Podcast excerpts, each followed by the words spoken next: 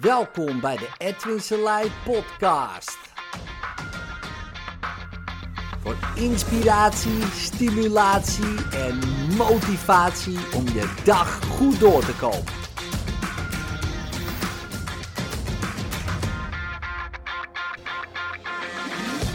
Toen mijn eh, oudste zoon, een, denk een jaar of drie was of zo, misschien wel iets jonger hoor, maar deden we het spelletje Wie is het?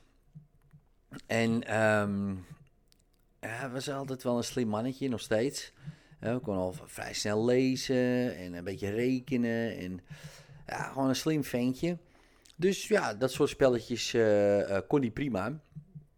Alleen hij stelde van die hele gekke vragen. Dus eh, als je het spelletje kent, wie is het? Allemaal van die mannetjes en vrouwtjes met bijvoorbeeld wit haar, oranje haar, geel haar, hoedje op, brilletje op, eh, snor, geen snor, dat soort dingen. Eh, dan ga je er een beetje systematisch doorheen. En dus eh, meestal op haarkleur, en dan gaan er meteen vijf weg als het niet zo is. Weet je wel, of op hoedje, of op kaal. Want dan heb je, als je gelijk hebt, dan blijven er meestal nog maar een stuk of vijf over.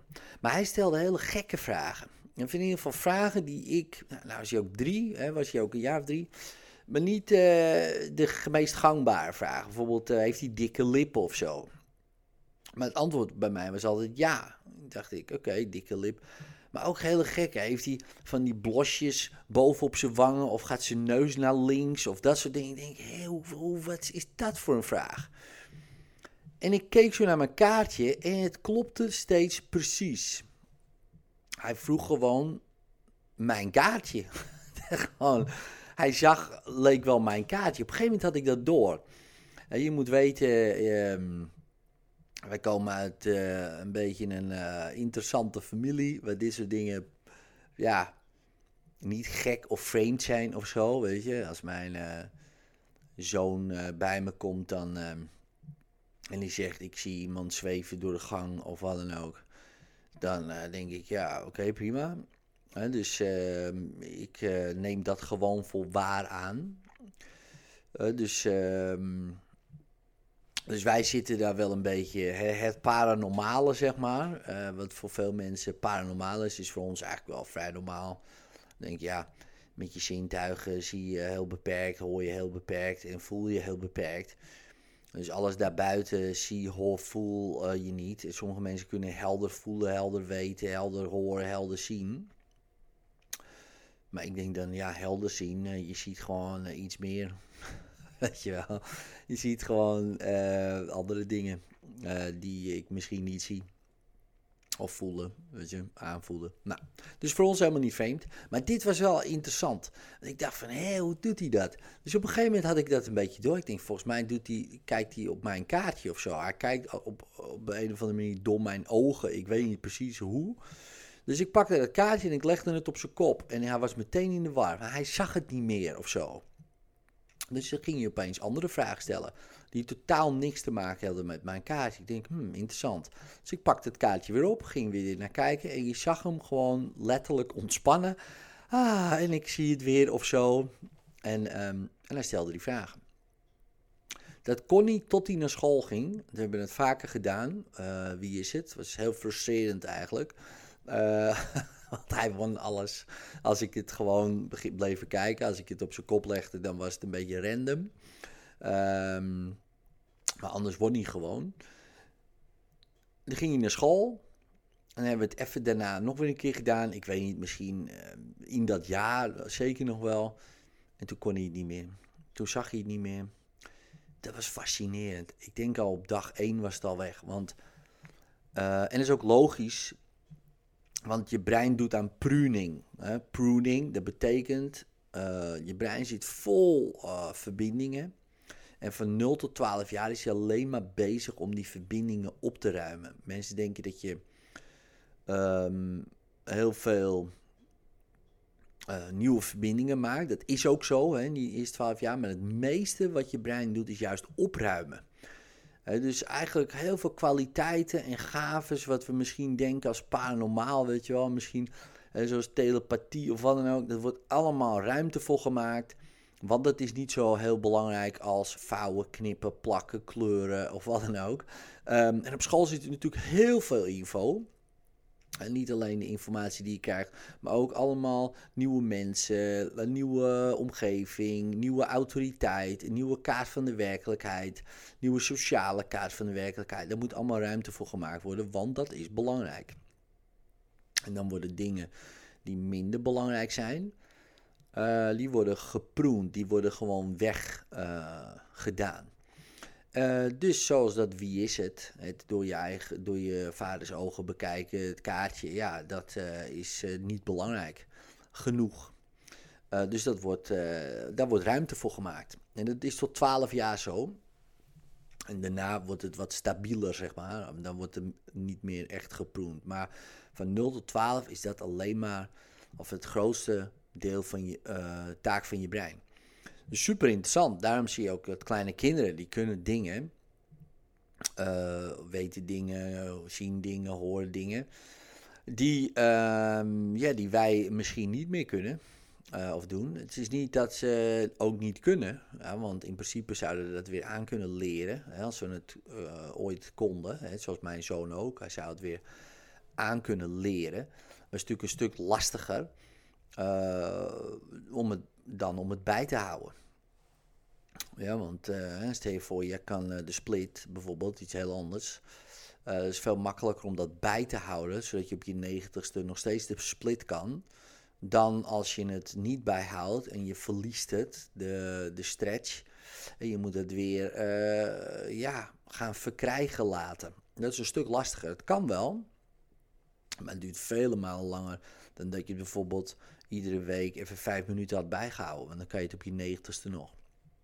Nou, en dat is met dit ook zo. Alleen in dit geval uh, had het met het brein ook te maken. Dus ja, dat is gewoon aan het opruimen. En dat vind ik super interessant. He, want uh, misschien heb jij, herken je dit wel bij jezelf of bij je eigen kinderen.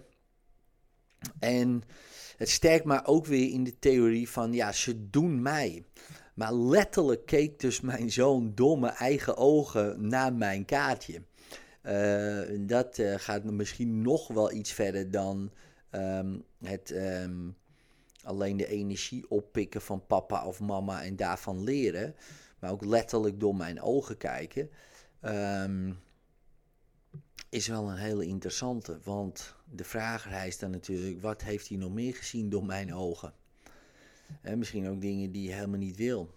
Bijvoorbeeld. Dat weet ik niet. Want eh, als, als hij dat kan, ja, dan kan hij eh, waarschijnlijk ook nog veel, vele andere dingen. Dus ik denk altijd, zeker bij kleine kinderen, bepaalde dingen um, die ze niet verliezen, eh, die handig zijn, misschien later. Misschien paranormale dingen, misschien helder weten, misschien dingen zien, weet je wel, of uh, dat soort dingen. Um, hoe normaler je erover doet, hoe langer het blijft. Ja, als je er niet normaal, of ja, wat is niet normaal, hè, maar als je zegt van, oh ja, maar het is niks, of wat dan ook, dan wordt daar ruimte voor gemaakt, want het is niks. En het kan misschien later uh, best wel handig blijken te zijn. Hè, bepaalde mogelijkheden zou je kunnen zeggen. Nou, de meeste kinderen verliezen die mogelijkheden. Uh, om, vanuit thuis, omdat het niet belangrijk is thuis. Uh, omdat er niet uh, normaal over gepraat wordt of gedaan. Of papa en mama snappen het niet. Of, of nou ja, het komt helemaal niet ter sprake. Dat kan allemaal. Op school, en er moet heel veel ruimte komen voor school en sociale dingen. en dan verlies je soms wat mogelijkheden. En ik denk, wij hebben altijd geprobeerd om zoveel mogelijk van die mogelijkheden uh, vast te houden uh, bij die jongens. Uh, dat is niet allemaal gelukt. Um, dat is ook heel lo lo logisch, zou ik zeggen, maar ook heel lastig natuurlijk. Want ja, er gebeuren zoveel dingen. En wat is nou belangrijk? voor die jongen zelf. niet per se voor mij, maar voor die jongen zelf. Dus daar moet ruimte voor gemaakt worden in het hoofd. Maar het is wel interessant als je, zoals nu, Um, als je kijkt naar mijn kinderen. Ja, zoals zeker mijn oudste. Die is echt uh, een heel analytisch brein. Dus, dus niet zoals ik. Ik heb een intuïtief brein, zou je kunnen zeggen. Dus uh, ik trap ook steeds in die spelletjes van ehm, bijvoorbeeld een pen en een potlood kosten 1,10 euro bij elkaar. Ehm, een pen is 1 euro duurder. Dus hoeveel kost het potlood of zo? Nou ja, dan uh, trap ik daar natuurlijk in. Want uh, ik denk dan meteen heel intuïtief 10 cent, maar 12, 5 cent is. Weet je wel, 1 euro duurder. Dat is dus 1,05 euro en die 5. Uh, eh, dus daar moet je even over nadenken. Maar mijn zoon die weet dat. Hè. Die is die analytisch, dus die trapt niet in dat soort trucjes. Die denkt even na en dan weet hij het. Een heel ander soort brein dan ik. Dus dat is de ene kant. Maar ook een uh, heel spiritueel brein. dus uh, omdat dat, die, dat vermogen, zeg maar, dat idee, daar ook in zit. Dus dat is een hele interessante combinatie, vind ik. Spiritueel wetenschappelijk of wetenschappelijk spiritueel. Vind ik heel grappig. Uh, ik heb dat zelf niet. Ik heb een heel ander brein, zou je kunnen zeggen. Dus maar het is wel interessant. Dus als je kijkt in je eigen leven, met je eigen kinderen en je eigen vermogens. Uh, kijk, alles wat je kon, uh, kan je nu nog steeds leren. Maar alles wat je ziet bijvoorbeeld bij je kinderen, je denkt, ik wil dat behouden, uh, blijf het bespreekbaar houden. Het is net als een droom, weet je wel. Als je die droom blijft herhalen, dan onthoud je hem ook op latere leeftijd. En dat is met dit ook zo. Succes!